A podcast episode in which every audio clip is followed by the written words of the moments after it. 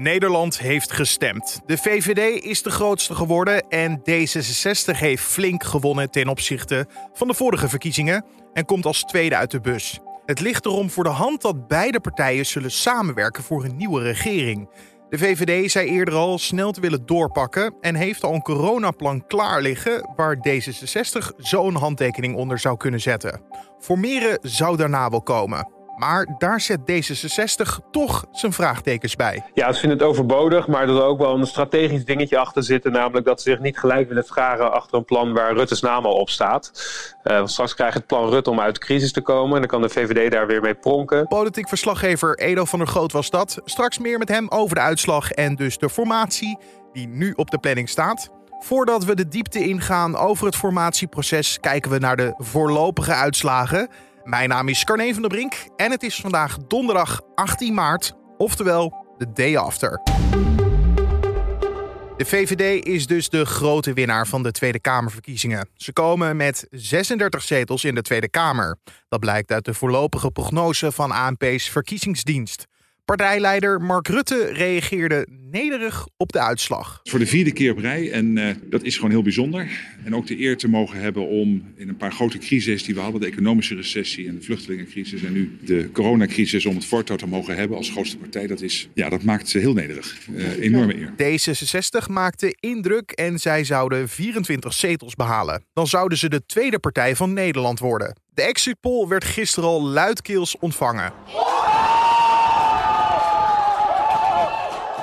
Voor partijleider Sigrid Kaag is het een geslaagde missie en refereerde in haar dankwoord ook naar de oprichter van D66. Democraten, het is gelukt. We zijn erin geslaagd de kiezers te laten zien wie we zijn en waar we voor staan. En deze buitengewone prestatie is van jullie. En Hans van Mierlo zou hebben gezegd: het is een krankzinnig avontuur. Tweederde van de stemmen zijn inmiddels geteld. Meerdere gemeenten zijn in de nacht gestopt met tellen en gaan vandaag door. Volgens de voorlopige prognose zou Forum voor Democratie de grootste winst behalen. Van twee naar verluid acht zetels. Ze hebben op dit moment van opnemen nog niet inhoudelijk gereageerd. Het waren ook de verkiezingen van de kleine debuterende partijen. Van de nieuwkomers kreeg Ja21 de meeste steun van de kiezers. De ex-FVD'ers zouden vier zetels hebben gekregen. Dan Ja21 natuurlijk afgesplitst van Forum heeft... Partijleider Joost Eertmans reageerde enthousiast bij de NOS. Het was de beste peiling die we hadden. En uh, je denkt, uh, de VVD gaat omhoog, dus waar, waar, gaat, uh, waar gaat het van af? Maar je ziet toch een hoop mensen, ja, die hebben op ons gestemd, vertrouwen gegeven. We komen uit het niets eigenlijk binnen met drie. Het is, het is meer dan geweldig. We hebben nu echt een flinke voet tussen de deur in de Tweede Kamer. Naast al die andere plekken waar we zitten. Dus ja, 21 gaat, gaat groeien. Verder zouden de Europese partij Volt met drie zetels en de Boer-Burgerbeweging met één zetel in de Tweede Kamer komen. Ja, en de PVV is de derde partij geworden met 17 zetels. Ze dalen er drie. CDA daalt ook en haalt 15 zetels. Grootste klappen vliegen er echter op links met als grootste verliezer GroenLinks. De partij halveert in zetels en komt in de voorlopige prognose uit op 7. Deze tijd, zeker in tijd van corona, moet iedere partij bereid zijn om verantwoordelijkheid te nemen. We zullen samen uit deze crisis moeten komen.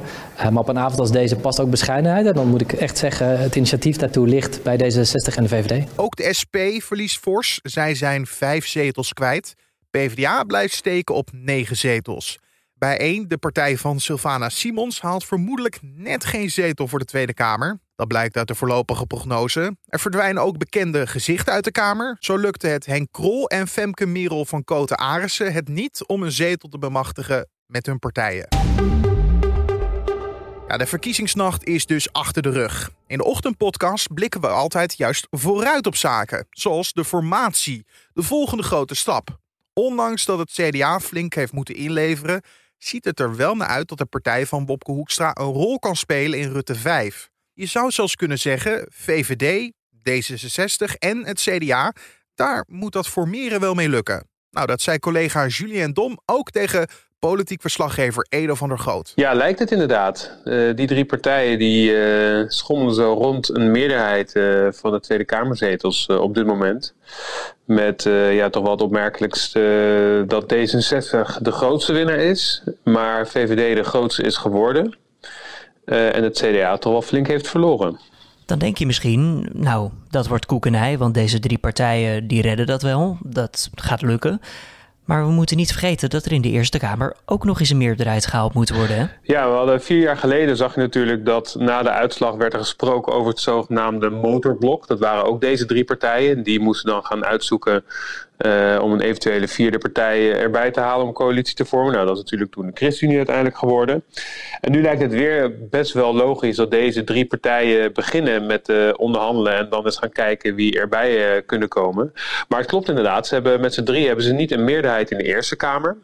En dat wordt dan nog wel een redelijk ingewikkelde puzzel. In die zin dat uh, die drie partijen minimaal twee partijen erbij moeten krijgen om een meerderheid daar te hebben in de Senaat. Dat klinkt dus eigenlijk als een ingewikkelde puzzel waar nog eventjes flink naar gekeken zal worden. Ja, dus dat is of uh, GroenLinks en uh, PvdA, of SP en GroenLinks, of SP en PvdA. Uh, er moet in ieder geval of uh, de partij van uh, Annabel Nanninga en Joost Eerdmans, ja 21. Want dat vergeten we misschien een beetje. Dat is de kleine partij nu in de Tweede Kamer. toch knap natuurlijk met drie zetels nieuw in de Tweede Kamer gekomen. Maar die hadden nog een heleboel zetels van Forum voor Democratie in de Eerste Kamer, namelijk acht. nou goed, dat is ook nog een eventuele route over rechts, zou je kunnen zeggen. maar op dit moment is, zijn dat een beetje de opties. Als we ook nog even kijken naar deze drie partijen die, ja, zoals je zegt, het volgende motorblok zouden kunnen worden. Daar is niet echt een afstraffing zichtbaar wat betreft uh, ja, de toeslagenaffaire die ze achter de rug hebben. Nou, het, het is, dat klopt inderdaad. En dat is natuurlijk best wel pijnlijk geweest. Uh, omdat dat een pijnlijk in die zin dat de toeslagaffaire echt een, echt een groot en pijnlijk en ingewikkeld dossier was en nog steeds is. Uh, en de partijen die daar eigenlijk het hardst uh, voor hebben gewerkt, het hardst voor hebben geknokt, het CDA en SP, zijn juist twee partijen die ontzettend hebben verloren. Maar ja, dat weten we nog niet helemaal. Het kan namelijk zo zijn dat uh, specifieke Kamerleden, Renske Leid van de SP en CDA, Pieter Omzicht, zou best kunnen dat die met voorkeur stemmen. Maar ja, goed, daar hebben we nu nog geen informatie over natuurlijk. Dat die daar wel voor beloond zijn. Uh, dus dat mensen wel hebben gezegd van we stemmen op jou, want uh, je hebt zulk goed werk verricht. Maar het is inderdaad zo dat partij ja, die al tien jaar aan de macht is, de VVD uh, en premier Rutte, die wel heeft gezegd van ik ben wel verantwoordelijk, maar ik ben niet direct betrokken geweest. Nou goed, een, woorden, een formulering waar je natuurlijk alle kanten mee op kan. Maar iedereen voelt wel aan van ja, was hij helemaal, hij had natuurlijk wel iets te maken met die toeslagenaffaire. Ja, en Edo, jij schreef ook op nu.nl, in het profiel dat is te lezen over Rutte, dat eigenlijk niets aan hem blijft plakken. Ook niet deze toeslagaffaire. Nee, dat klopt. Het is inderdaad, dus inderdaad zo dat uh, ja, de, andere partijen worden hier verantwoordelijk voor gehouden op de een of andere manier. Uh, je kunt ook stellen, en dat is misschien wel aannemelijker, dat de hele toeslagaffaire simpelweg geen rol heeft gespeeld in het stemhokje. Uh, er is ook niet echt campagne opgevoerd, niet door de partijen die dit uh, boven tafel hebben gekregen, dus opnieuw CDA en SP. ook niet partijen die er wellicht niet direct bij betrokken waren, niet op deze manier in ieder geval, zoals SP en CDA, maar ja, goed, die, die er wel veel over gezegd hebben en bijvoorbeeld niet direct verantwoordelijk waren. Uh, ja, het is gewoon geen onderdeel geweest van die hele campagne. En dat is natuurlijk wel heel opmerkelijk geweest. Dus een kabinet valt. Uh, nog geen twee maanden later zijn, ongeveer twee maanden later, zijn de verkiezingen. Uh, en de reden dat zo'n kabinet is gevallen, komt eigenlijk nauwelijks terug in de campagne. En ja, dat is, dat wel eigenlijk verbazingwekkend. Iets anders dat opmerkelijk is: links heeft duidelijk geen slag weten te slaan. Als ik jou, jou moet vragen, Edo, Waar komt dat door? Nou, als eerste ja, geen slag weten te slaan, dat is echt een uh, understatement inderdaad. Het is echt de grootste nederlaag van de drie linkse partijen gezamenlijk ooit. Kijk, het is wel eens eerder voorgekomen sinds GroenLinks bijvoorbeeld uh, bestaat pas sinds 1990 of pas. Uh, dat is natuurlijk ook al 30 jaar, maar sinds GroenLinks in de Kamer zit met SP en uh, PvdA is het niet eerder voorgekomen dat ze zo weinig met z'n drieën zo weinig zetels hebben gehaald. En het is wel voorgekomen dat SP op twee zetels stond of GroenLinks op drie. maar was de PvdA bijvoorbeeld weer heel groot. Ja, waar is dat nou laten liggen? Als je daar het antwoord op kan formuleren, dan weet je precies wat de PvdA in ieder geval moet doen. Uh, of uh, die twee andere partijen de komende kabinetsperiode om er weer bovenop te komen. De PvdA had natuurlijk gigantisch uh, verliezen om de oren gekregen van 29 zetels na de regeerperiode met Rutte tot 2017. Daarna wilde die partij ja, in de oppositie zichzelf opnieuw uitvinden echt oppositie voeren. Je zag uh, Lodewijk Asscher dat ook echt doen. Ook al was hij nog steeds, steeds best wel een beetje het gezicht van het kabinet Rutte 2. maar alsnog stevig oppositie voeren, ook tegen plannen waar ze zelf verantwoordelijk voor waren. En toch zie je dat ze er eigenlijk niks mee zijn opgeschoten. De partij heeft dan wel ja, waarschijnlijk geen zetel verloren. Maar ja, goed, ze hebben het verlies van bijna 30 zetels ook niet goed gemaakt. Uh, SP, uh, GroenLinks, hetzelfde verhaal. Die twee partijen konden zich ontzettend profileren in de, in de Tweede Kamer. Uh, ze waren op een gegeven moment zelfs nodig in de Eerste Kamer om een meerderheid te krijgen voor de coalitie. dus ze hadden ook best wel wat macht en ook best wel wat te zeggen. Maar dat hebben ze gewoon niet weten te verzilveren. Ja, waar dat precies aan ligt, daar wordt natuurlijk nog naar gezocht. Dat weten ze zelf ook nog niet. Moeten ze zelf ook nog conclusies uittrekken. Uh, maar het is wel een puinhoop op links, dat kun je wel stellen. Nou, duidelijke taal, Edo. Eh, dan wil ik even met je door naar het formatieproces. Hè? Uh, wat zijn de, de, eerste stappen deze donderdag? Wat, gaat, wat staat er als eerste op de agenda? Ja, allereerst gaan alle lijsttrekkers, dus alle nieuwe lijsttrekkers, dus ook van alle nieuwe partijen, die uh, gaan naar de Kamervoorzitter, Khadija Ariep. En daar zullen alle partijen hun voorkeur gaan, gaan aangeven om te zeggen van ja, wij willen regeren of we willen niet regeren. je kunt je ook voorstellen dat er verliezers bijvoorbeeld zeggen van nou, het is even niet aan ons om nu uh, initiatief te nemen. Bijvoorbeeld Bob Hoekstra van het CDA heeft dat gezegd. Uh, dan kan iedereen zijn wens doorgeven en dan wordt er een verkenner aangesteld. En die verkenner die gaat eens kijken van nou, welke club, uh, partijen met, kunnen eventueel een coalitie gaan vormen. Uh, en als we dat een beetje in beeld hebben, uh, dan kan het proces verder uh, gaan door een informateur te zoeken en echt met een ja, mogelijke coalitie verder te gaan, te gaan praten en echt te gaan onderhandelen over een regeerakkoord. Maar eerst is het, ja, we zitten echt eerst in die aftastende fase, zeg maar. En in die aftastende fase is dan een grote rol weggelegd voor de VVD? Ja, de, de, de winnaar, en dat is natuurlijk de VVD, mag natuurlijk wel bepalen van als de VVD zegt van nou, wij willen graag met CDA en D60 gaan gaan, uh, gaan praten als eerste in ieder geval. Uh, er kunnen we wel van uitgaan dat die drie partijen toch wel bij elkaar worden gezet. Uh, wat er daarna precies gebeurt, dat, dat is natuurlijk wat moeilijker uh, gissen. Maar ik denk wel dat deze drie partijen het voortouw gaan nemen. Als ja, ik daar even op kan inhaken, Edo. Ja, de VVD blijft dus de grootste, maar D66 boekt de grootste winst. Wie heeft dan de beste onderhandelingspositie aan tafel? Ja, dat blijft altijd wel de, de grootste partij. Die mag natuurlijk ook uiteindelijk, de grootste partij mag bepalen wie de premier wordt. Dat is natuurlijk altijd degene die de lijsttrekker is van die grote partij. Uh, dus het, dat zal natuurlijk Mark Rutte weer worden voor de vierde keer. Ja, als je, als je dan weer de premier mag leveren, dat is natuurlijk, uh, dat is natuurlijk heel belangrijk. Uh, maar goed, als jij de tweede partij bent, dan, dan heb je ook een behoorlijke stevige vinger in de pap. En dan ja, kun je wat meer ministersposten gaan claimen. Hè? En dan bijvoorbeeld financiën is een belangrijke, een heel belangrijke, maar ook een heel populaire ministerspost. Ja, dat is best mogelijk dat, dat D66 kan zeggen van ja, die, die willen wij graag. ja, en als derde komt dan misschien pas CDA aan de beurt of welke partij dan ook erbij wordt gehaald. Uh, maar ja, goed, het is natuurlijk wel duidelijk dat de VVD de grootste is uh, en nu ook de, de, grootste is gebleven.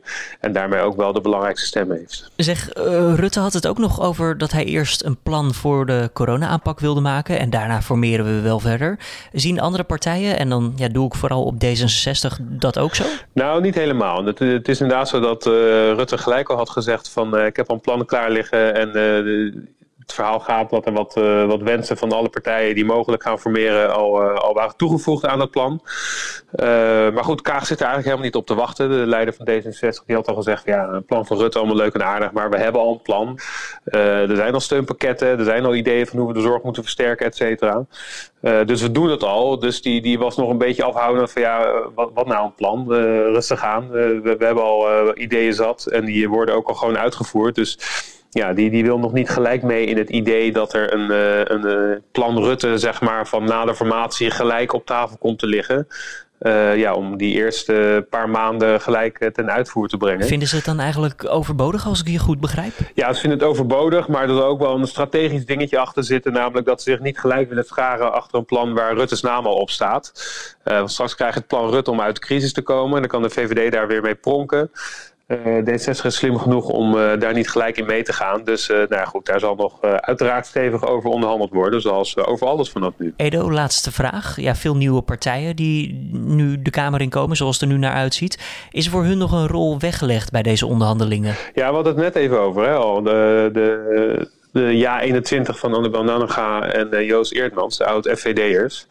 Want die hebben een, grote, een grote positie in de Eerste Kamer. Maar goed, ook met die partij in de Eerste Kamer heb je alsnog een vijfde partij nodig. Die drie partijen, CDA, D66 en VVD, kunnen niet met vier partijen in de Eerste Kamer een meerderheid krijgen.